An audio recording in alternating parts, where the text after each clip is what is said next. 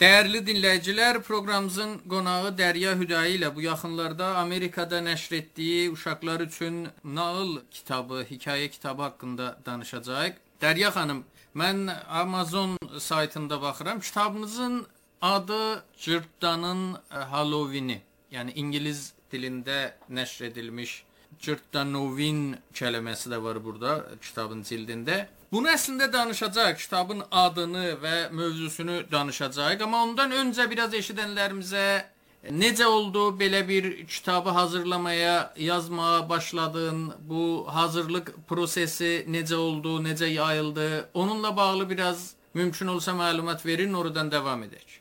Salam sizə və bütün izləyicilərə. Bəli, bu kitabın elə kölən ideyası, həmin ideyası oradan gəldi ki, mən İngilis Azərbaycanı yaradandan sonra istirdim ki, bir e, hüviyyətləri ya kimlikləri bir-biri ilə qatan və onun içindən bir gözəl bir şey yarada biləm. Və e, çünki uşaqlar burada mühacir uşaqlar şey gəlirlər bura hələ Azərbaycandan ya İran Azərbaycanından. Burada bu kimlik arasında istəmirəm qalsınlar və bilsinlər ki, bu kimlikləri bir-birinə rəbti vardı və bunlar neçə fərhəngə, neçə dilli bir uşaqlardılar. O yüzdən çox animationlarda elə səyimiz həmişə bunadır ki, e, dilləri, fərhəngləri, dəbləri bir-biri ilə qataq və içindən e, bir dənə mixture çıxadaq ya e, bir dənə gözəl bir video çıxadaq, gözəl bir animation çıxadaq və bu nağılında ə, yəni əsli əsli idəsi oradan gəldi ki, cıtdanın nəqlin mən istirdim ki, bir gətirəm. Necə ki özünün də elə qorxulu bir temi vardı və Halloween də bir qorxulu temi var. Eləyə bildim ki, bu ikisini bir-birinə rəbt verəm və o arada biraz öz dəblərimizdən, biraz elə e, western dəblərdən, yəni e, Amerikada və hətta Avropada olan dəblərdən də yerləşdirirəm ki, uşaqlara cəlb gəlsin. Yəni Amerikada nəşr edildi və daha çox onlayn satış onlayn şəkildə olur. Düzdür, özürdür. Siz bu kitabın indi bu Halloween bənzətməsinə biraz işarə elədiniz. Bu da əslində bunu göstərir ki, sizin hədəf qrupunuz Şimali Amerikada yaşayan mühacir uşaqlardır, eləmi?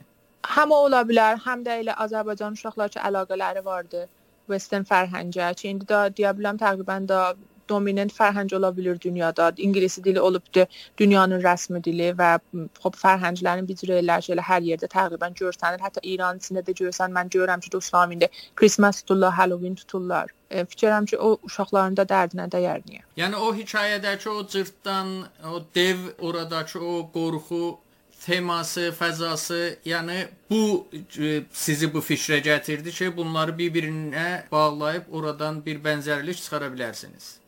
Düzdür, özürdür.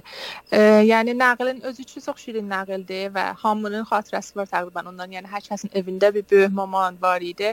Bu nağılı tərifləyibdi əslində və mənə çox cəlib gəlir ki, folklor nə qədər cəlib bir şeydir ki, internet olmayan zamanda, televizyon olmayan zamanda bir millət arasında bir cür yekdəst bir folklor yaşanıbdı. Çünki xop bildiyiniz kimi bu gün internet və televizyonun gücünə çox rahat bir cür bir dastanları ya hətta bir dəbi millətə ilqa eləmək olar. Məsələn, bir rəsanə gücünə, bir coğrafiyanın adını gətirməklə, bir dəbi ona nisbət verməklə millət çox rahat onu qəbul edirlər. Və bu ki o zaman necə bu məntəqənin adamlarının arasında hamısında bu dastan var imiş, mənə çox cəlib gəlirdi və hətta e, burada Amerikalı dostlarıma da təriflədim ki, bu cür bir şey var ki, hamı məsələn bu, bu cür bir nəql bilir. Bunlar da çox cəlib gəlir. Çünki burada cürdür ki, e, risanədən ilqa olur. Məsələn, Mickey Mouse görürsüz, bir dənə Disneyland, bir dənə dastan zürür və Mickey Mouse-u verir eşiyə e, eşikdən ilqa olunur. Vəli cıddanın nəqli bir şeydir ki, millətdən e, eşiyə çıxıbdı. Yəni hətta baxsaz biz cıddana bir dənə sabit karakterimiz də yoxdur. Müxtəlif adamlar onu müxtəlif şəkildə çəkirlər. Yəni hərə öz e,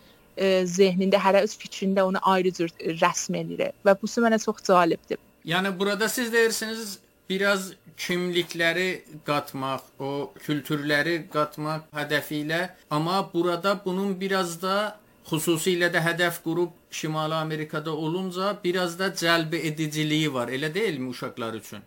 Düzdür, özürdür. Baxın, mənim nəzərimə folklor və fərhəng elementləri, yəni sabit bir şey deyillər ki, yəni su kimin axıb getməlidirlər, dayanmamalıdırlar. Çünki bağlı qalsalar, e, yəni o qədim ərzişlər özü ilə daş özləri ilə daşısalar, imkanı var ki, modern dünya ilə çox uyğun olmayalar və məncə folklor həmin qədər ərzişlidir, tarixi lazım ərzişlidir. Həmin qədər bu folklor folkloru bu günkü dünya ilə trendlərlə biraz uyğun eləməliyik. Onu eləyə bilək çox daha tanıdıraq və başqa etniklərə də e, düşünsünlər bunu, onu ala bilsinlər. Dərya xanım, siz biraz da bəlkə elə Halloween ilə bağlı məlumat verin eşidənlərimizə. Çünki cırtdanı bilirlər, bəlkə Halloween-i bilməyənlər Aha, ola bilər. Özür dilərim. Halloween oktyabrın axırında olur. Mən biləni düzün sözü bu tradition, bu dəb e, Avropadan və İrlandiyadan mən biləni gəlibdi Amerikaya. Bu gün də millət e, məsələn inanırlar ki, ərvahı qorxutmaq üçün gələkçi qorxulu bir paltar geyir. Yəni qədim büzür inanarmışlar ki, qorxulu gələkçi iynələr, e, bal qabaqları ya həmin pumpkinləri e, oyurlar və qoyurlar evin qabağına, içinə bir dənə şəm qoyurlar ki, məsələn ərvah, yəni ruh, ruh gəlsə əgər bu evə qoxsun və qaçsın, gəlməsin o evə. Vəli xop zaman içində bu dəb dəyişilibdir və qorxu halətindən çıxıb çoxluq biraz ə, nəmayişi halətə düşübdür. Yəni indi də şayad çox qorxulu tərəfin ə, bətər şey deyir. Çoxluq hərə bir ə, kostyum ya bir paltar, xas bir paltar geyir və məsələn biri it olur, biri pişik olur, biri Mickey Mouse olur, biri məsələn ə, prenses olur, bu cür şeylərdən. Ə, və bu gecəni tuturlar, özlərinə bir qonaqlıq tuturlar, ya hala eşikdə bir yerə gedirlər və bizə soğurlar bu günü. Və əslində uşaqların da ən çox gözlədiyi, ən çox əyləndiyi bəlkə bayramdır, elə deyilmi? Öz çox-çox sevirlər uşaqlar bu bayramı.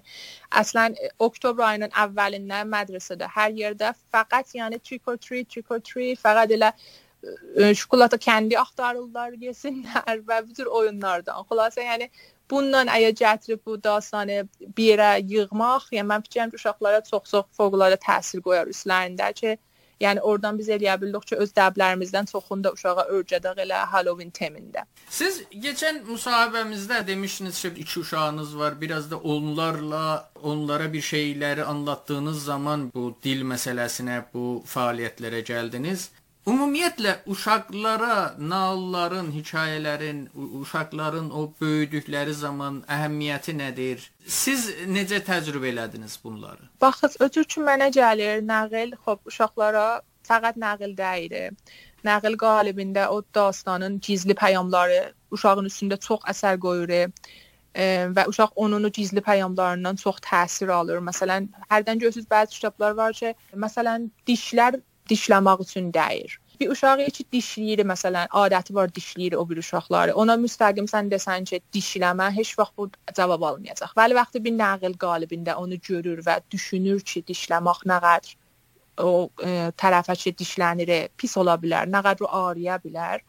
Onda dişləməyi məsələn kollən qorqurağa da bu bu işi də bir də eləmir. Yəni o məxfi pəyam ki, nəql qalibində uşağa müntəqil olur, o çox uşağın üstündə təsir qoyur. Və xop təxəyyüllərini təqviyyət edir və dünyanı kəşf eləməyə bais olur nəql e, oxumaq uşağa və onlarla insanlar və dünya ilə irtibat qoşmağa da çox kömək edir. Siz az öncə dediniz bəzi mövzular da mediadan çıxır hansı mövzulara uşaqlar rəğbət göstərir? Yəni onu soruşmaq istərdim. Xüsusilə mediada gördükləri mövzulara mı çox rəğbət göstərirlər? Düzdür. E, indi Halloween məsələsi mediada qutulmur. Halloween məsələsi burada yəni o qədər vəsidir ki, mədrəsədə, eşikdə, bütün evlərin qabağı hamı decorationlar. Və xop Halloween məsələsi əslən oktyabr ayı, yəni uşağa fəqət yəni Halloween. və o qədər bu mərasimi söylə, bu bir ayda o qədər xoş olurlar ki, əslən yəni həddi yoxdur. Fikirəm bu ay yəni lap bu ay hamıdan çox söylər uşaqlar və hala ondan sonra gələn e, desambrda da ki, Christmas ayı gəlir, taza ilin e, ayı gəlir, bu o ayda çox söylər. Kitab haqqında, kitabın kitab haqqında aldınızmı? Rəylər, feedbacklər aldınızmı? Feedback düzdür, çox feedback aldım. Çox adam söyübdü bu kitabı. Çox gözəl feedbacklər aldım və bu ki ingilis olmağına görə də çox gözəl feedbacklər aldım. E, Amerikanın hətta e, dostlarımdan da çox feedbacklər aldım ki, çox söymüşdülər. E, çünki mən intizarım var idi ki, yəni üçün ingilis yazmışam. Hətta məsələn öz türklərdən, Azərbaycanlılardan məsələn özür bir müsbət feedback almayan. Bəli, sonra gördüm ki, yox, müşülə yoxdur və söyürlər bu işi.